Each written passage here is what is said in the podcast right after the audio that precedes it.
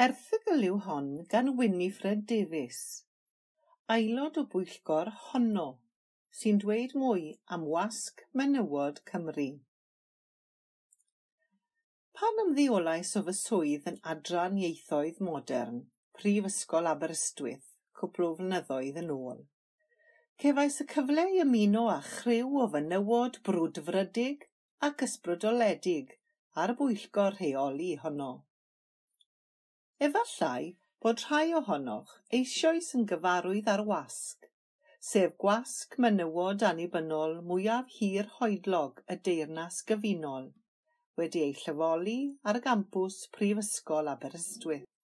Sefydlwyd y wasg mewn cegin yng Nghaerdydd yn 1986 gan grŵp o fenywod a deimlain gryf fod ar fenywod yng Nghymru angen nid yn unig mwy o gyfleoedd i gyhoeddi eu gwaith, ond hefyd mwy o gyfleoedd i fod yn rhan o'r holl broses gyhoeddi, er enghraifft comisiynu, golygu a marchnata. Dyma ddisgrifiad Rosanne Reeves, un o'r aelodau gwreiddiol sy'n dal yn weithgar ar y pwyllgor, ac yn un o olygyddion cyfres clasuron honno o'r sefyllfa bryd hynny. Nid oedd gan yr un o'r gweisg yng Nghymru fawr o ddiddordeb mewn hybu llenyddiaeth gan neu am fenywod, yn enwedig ddim yn y Saesneg. Roedd gweisg fel Virago, The Woman's Press, Spare Rib, Only Women ac Attic Press yn Iwerddon yn arwain y ffordd. Ond wrth gwrs, roedd Cymru yn wahanol i Loegr, ac roedd bwlch yn y farchnad ar gyfer llyfrau a oedd yn berthnasol i fenwod Cymru, yn y ddwy iaith. Sefydlwyd honno fel gwasg menywod mewn cyfnod pan oedd nifer o ddatblygiadau tebyg yng Nghymru a thu hwnt, wrth i fwy a mwy o fenwod ddechrau ymddiddori mewn mynd i'r afael y syniadau ffeminyddol a dechrau tynnu sylw at, herio a cheisio trawsnewid agweddau rhywiaethol tuag atynt. Ychydig ynghynt roedd pleidiau gwleidyddol fel y Blaid Lafur a Phlaid Cymru wedi sefydlu adrannau menywod ac agorwyd nifer o lychesau gan Cymorth i Fenwod Cymru. Yn ogystal, cynhyrchwyd mwy o raglenni teledu a radio am hanes menywod gan gwmnïau annibynnol a oedd yn arddel syniadau ffeminyddol, a chyhoeddwyd gweithiau ffeminyddol neu broto-ffeminyddol fel Asen Adda, Gomer 1975, a olygwyd gan Ruth Stevens, ac Out of the Shadows, Gwasg Prifysgol Cymru un naw wyth un gan Deidri Bedow. Fel yr awgrymir yn y teitl, bwriad Bedow oedd dangos nad dynion yn unig oedd wedi mouldio a dylanwadu ar hanes Cymru. Er bod menywod yn ddofn yn y cysgodion, neu yn hollol onweladwy yn y mwyafrif o lyfrau hanes hyd yna. Mae un o amconion honno hyd heddiw yn dilyn trywydd tebyg, sef argraffu gweithiau gan fenywod o Gymru sydd wedi eu hesgeuluso neu wedi mynd yn angof yn ogystal â chyhoeddi gwaith o safon uchel gan awduresau cyfoes. Blwyddyn ar ôl sefydlu honno, Dyma gyhoeddi'r ddau lyfr cyntaf ar ddydd Gwyl Dewi 1987. Un yn Gymraeg ac un yn Saesneg. Am ddwy ddynes oedd wedi creu argraff ddofn yn ei gwahanol feisydd. Y llyfr Cymraeg oedd buwch ar y lein, sef dyddiaduron Hafina Clwyd.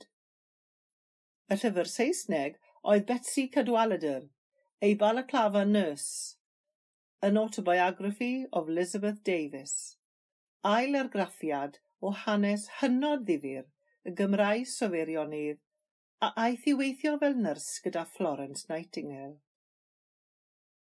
Fel menter gydweithredodd y sefydlwyd honno, ac rydym yn falch iawn o'r ffaith ein bod yn parhau i fodoli fel busnes cydweithredol a chymunedol sy'n hyrwyddo y gwyddorion o gydweithrediad, amrywiaeth a chydraddoldeb.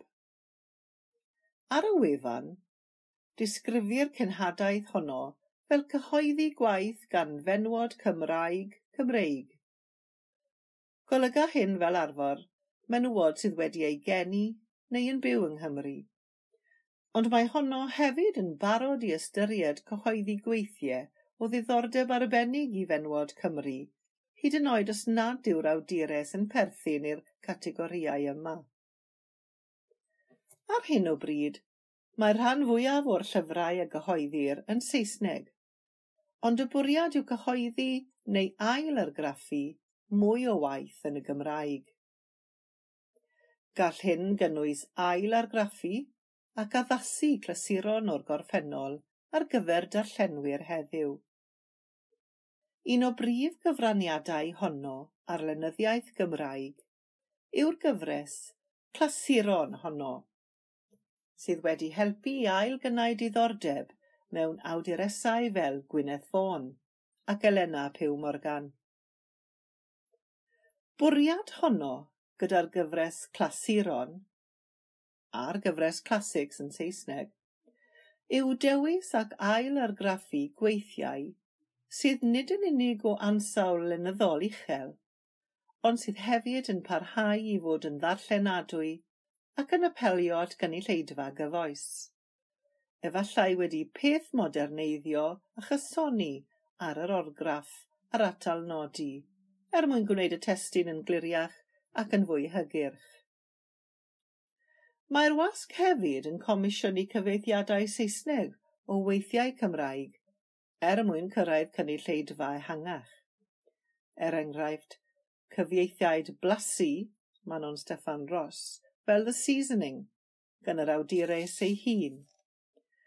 Ac y mae cyfieithiaid gwych Gwen Davies o nofel Caryl Lewis y Gemydd newydd ymddangos fel The Jeweller.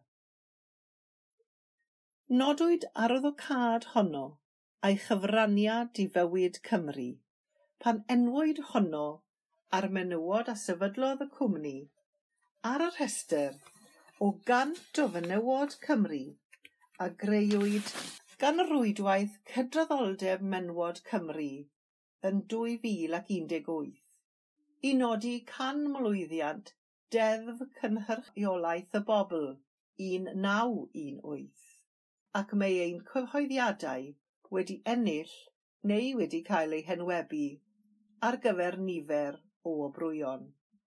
Os hoffech wybod mwy am waith honno, i fod yn gyfaill, neu os oes gennych awydd cyflwyno gwaith i'w ystyried ar gyfer ei gyhoeddi, mae'r manylion ar y wefan www.honno.co.uk neu gallwch ddilyn honno ar Facebook a Twitter. Drwy gefnogi honno, byddwch yn cefnogi ysgrifennu gwych, straeon gwych a menywod gwych, ac yn helpu gwasg fach annibynnol Gymreig. Darllenwyd yr erthygl hon gan Caroline Davies, aelod o gangen Llanabyddyr, rhanbarth Ceredigion.